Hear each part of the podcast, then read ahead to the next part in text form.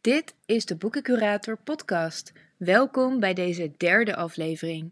Je luistert naar mij, Corina, en dit keer wil ik het met je hebben over het boek The Sentence van Louise Erdrich.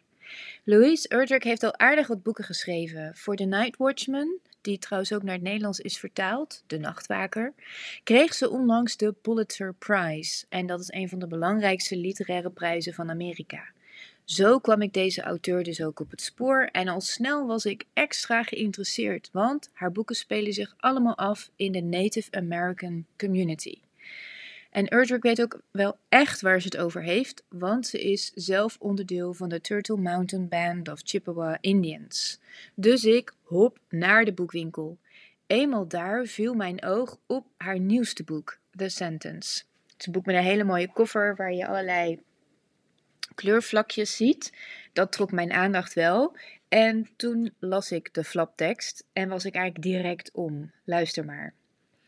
In her stunning and timely new novel, Pulitzer Prize and National Book Award winning author Louise Erdrich creates a wickedly funny ghost story, a tale of passion, of a complex marriage, and of a woman's relentless errors. Nou, a wickedly funny ghost story hoppa, ik ben om. Maar um, er is meer. Ik lees nog een klein stukje verder. Louise Erdrich's latest novel, The Sentence, asks what we owe to the living, to the dead, to the reader, and to the book. A small independent bookstore in Minneapolis is haunted from November 2019 to November 2020 by the store's most annoying customer. Flora dies on All Souls Days, but she simply won't leave the store. Tuki, who has landed a job selling books after years of incarceration that she's survived by reading with murderous attention, must solve the mystery of this haunting while at the same time trying to understand all that occurs in Minneapolis during a year of grief, astonishment, isolation, and a furious reckoning. Het is dus niet een, spook, wickedly funny spookverhaal. Het is een wickedly funny spookverhaal in een boekwinkel. Nou ja, je snapt het. Ik ging linea directa naar de kassa, appte alvast naar huis, zet de waterkoker aan. Ik kom eraan en ik zit de rest van de middag te lezen. Nou ja, zo'n spookverhaal kan natuurlijk ook erg tegenvallen. Maar inmiddels heb ik het boek uit en ik moet zeggen, het heeft echt mijn verwachtingen overtroffen. Waarom vond ik het nou zo goed? Daar heb ik allerlei redenen voor opgesomd voor jullie en uh, ja, die ga ik nu met jullie delen. Reden 1. De personages in dit boek zijn echt te gek. Samen vormen ze een hechte, inheemse gemeenschap waar jij als lezer even bij mag verblijven. Zo is hoofdpersoon Tuki uh, een hele nukkige Noorse vrouw, maar ze is ook heel innemend. En jij als lezer snapt haar ook al snel wel goed. Want helemaal aan het begin van het boek wordt uitgelegd hoe ze ooit een gevangenisstraf van maar liefst 60 jaar heeft gekregen. Um, uiteindelijk hoeft ze er maar 10 um, uh, door te brengen in de gevangenis en komt ze gelukkig eerder vrij. En daarna is ze dus gaan werken in de boekwinkel uit dit verhaal. Twee, er zitten heel veel details in dit boek waar ik erg blij van werd. Zoals gesprekken over wilde rijst, een inheems traditioneel gerecht uit Minnesota. Het is een echte delicatesse waar ik nu van begrijp dat mensen zich daar heel erg uh, druk uh, over kunnen maken. Over wat nou de juiste wilde rijst is en hoe je dat klaarmaakt. En dat deed me realiseren dat, ik, dat wij misschien te weinig aandacht hebben voor rijst. En um, dat er überhaupt blijkbaar zoveel soorten zijn. Nou ja, lang verhaal kort. Nu wil ik eigenlijk wel meer leren over rijst. En ik vind het leuk als een boek zo'n onverwachte interesse bij me weet te triggeren. 3. Net toen ik dacht dat ik een grappig verhaal over een spook in een boekwinkel aan het lezen was, bleek het eigenlijk een realistische sociale roman te zijn. De flaptekst zei het eigenlijk al, het verhaal speelt zich af uh, vanaf november 2019 tot en met november 2020. Dus ja, ik had me eigenlijk helemaal niet zo gerealiseerd dat dat betekent dat uh, ook in dit verhaal dus de pandemie uitbreekt. Uh, maar ook um, dat George Floyd in die periode is vermoord en overal die protesten uitbraken, vooral ook in Minneapolis. Deze impactvolle gebeurtenissen um, vond ik heel erg herkenbaar en invoelbaar beschreven. Um, plus al die verhaallijnen weet Erdrich ook wel weer goed te verweven tot één geheel. En dat is wel een hele prestatie. Nog een reden. 4. Hoofdpersoon Tuki houdt dus heel erg van taal en literatuur. Lezen heeft haar door haar tijd in de gevangenis heen geholpen. En het woordenboek dat ze daar had, dat heeft ze ook daarna nog steeds. En als ze even niet precies weet wat te doen, slaat ze dat open op een willekeurige plek.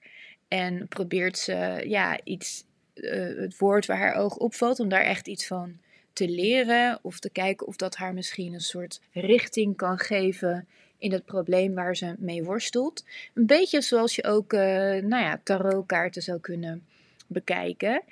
En uh, ik vond het wel een hele leuke manier uh, om ja, te definiëren, heet dat geloof ik. Misschien ga ik het ook eens een keer proberen.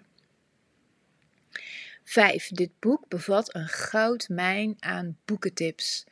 Um, ik kwam thuis en ik sloeg, voordat ik altijd ga lezen in een boek, dan sla ik het eerst nog even open. En dan kijk ik echt helemaal de hele flap en flapteksten en uh, blader je het even door. En toen zag ik echt, uh, nou ja, ik, ik werd er echt heel erg blij van. Achterin een pagina's lange boeklijsten, totally biased lists of bookies, Tookie's favorite books.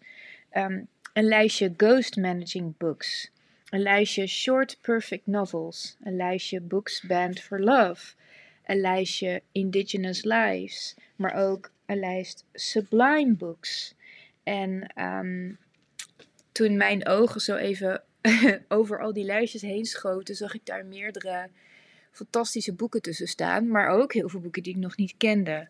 Holy Goldmine dus. Dat was wel echt uh, een goede extra die ineens uh, in dit boek ook bleek te zitten.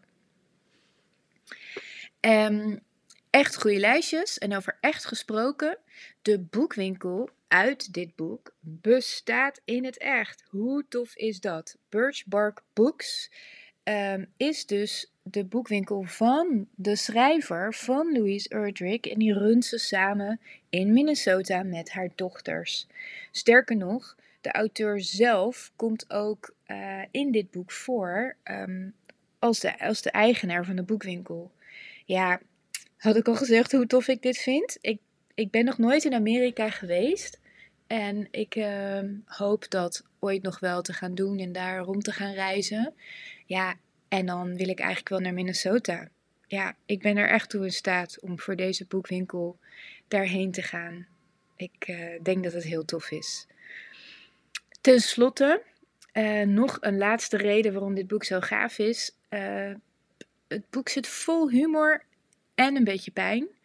Louise verweeft uh, onderwerpen als discriminatie en toe-eigening in het verhaal. Logisch ook, want dat is iets wat nou eenmaal heel erg aanwezig is uh, voor de Native American community. En um, dat heeft ze, denk ik, op een hele mooie manier gedaan. Zo is de spokende vaste klant, Flora, hè, op de flaptekst stond al de most annoying customer, is dus een witte vrouw die zich eigenlijk iets te overenthousiast vastbijt in die inheemse cultuur. En um, ook, ook um, steeds meer erin gaat geloven dat ze zelf eigenlijk ook afstamt. Uh, of hè, een soort van native bloed heeft. Ja, dat, uh, Um, dat is goed beschreven, denk ik. En, um, maar er zitten meerdere, ook losse scènes in die, die ik echt zo fantastisch vond.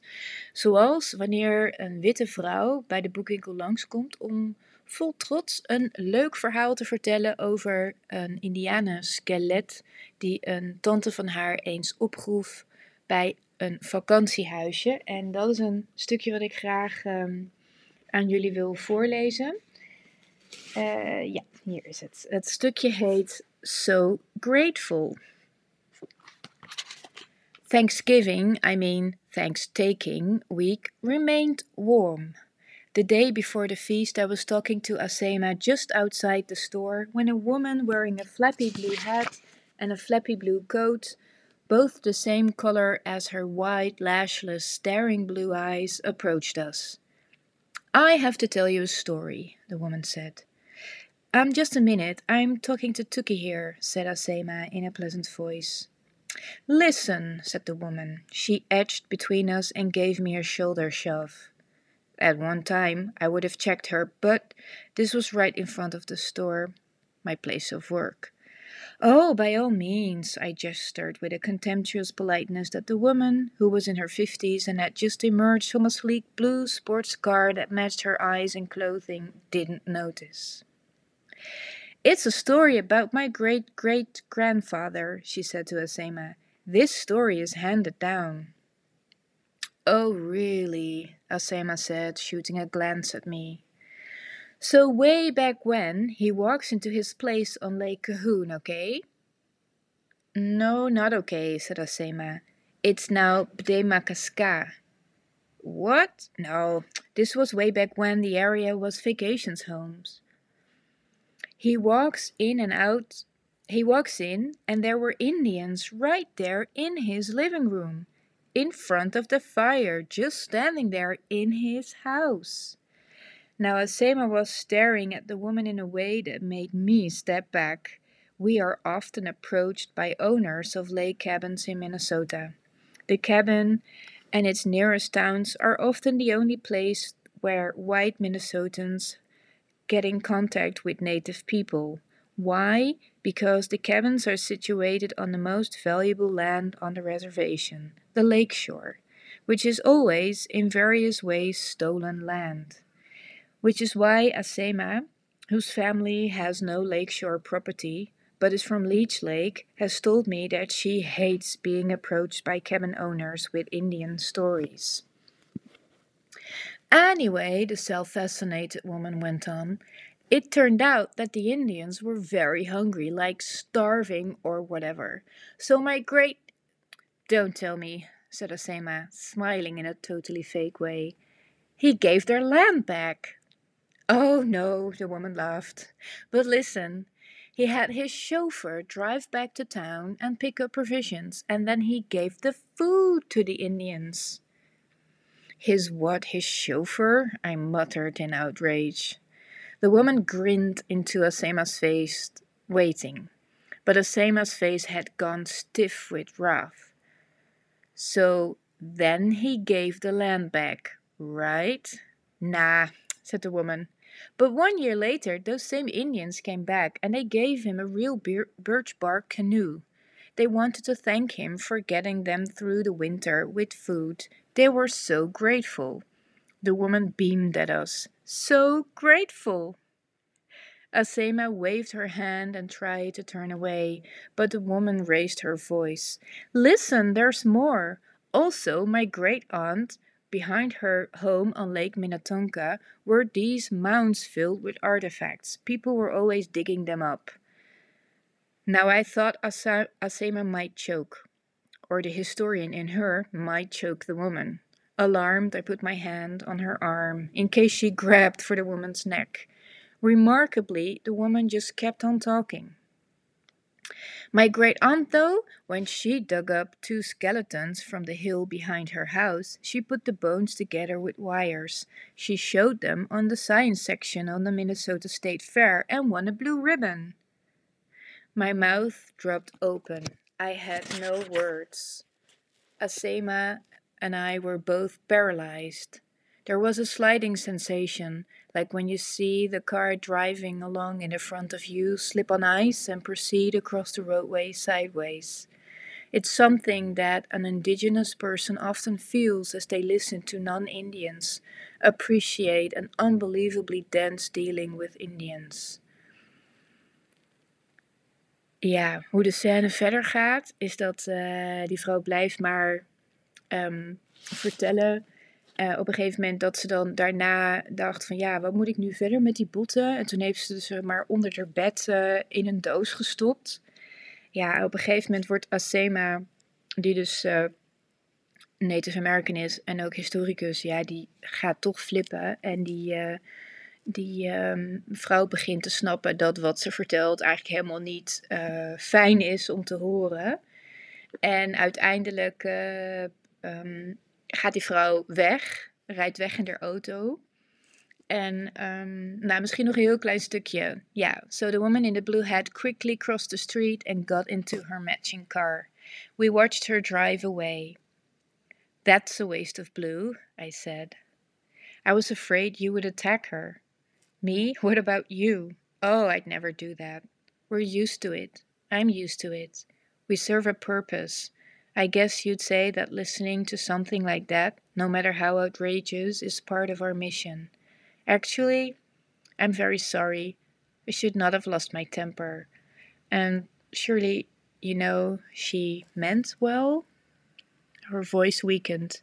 Regret after anger is a thing I share with Asema. She's been wearing out that story for years. It's about time she got some push- pushback. People need a place to bring their stories and questions about Indians, said Asema.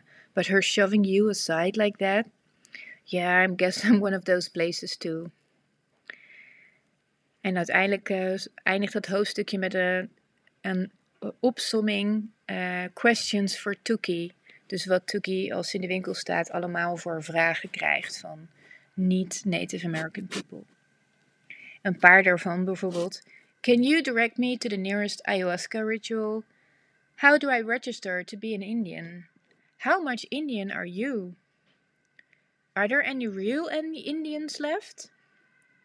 What's a good name for my horse, dog, hamster?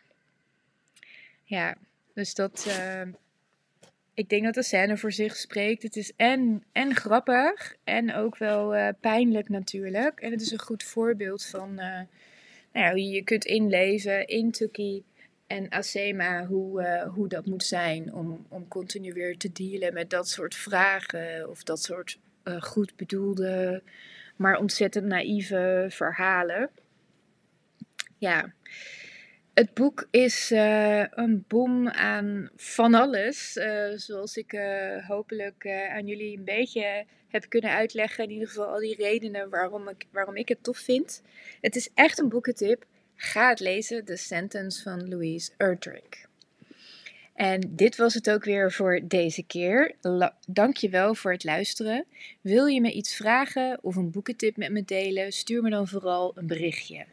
En heb je genoten van deze aflevering? Overweeg de boekencurator nieuwsbrief te steunen met een donatie in ruil voor extra content. Zoals de bonus podcast aflevering die voortborduurt op deze podcast, waarin ik het onder andere heb over het boek Braiding Sweetgrass van Dr. Robin Wall Kimmerer. En dat is een indrukwekkende collectie essays over inheemse wijsheid, wetenschappelijke kennis en de leer van planten. Maar goed, die is dus speciaal voor de vrienden van de boekencurator. Dat was het voor deze keer. Dankjewel nogmaals voor het luisteren en tot snel.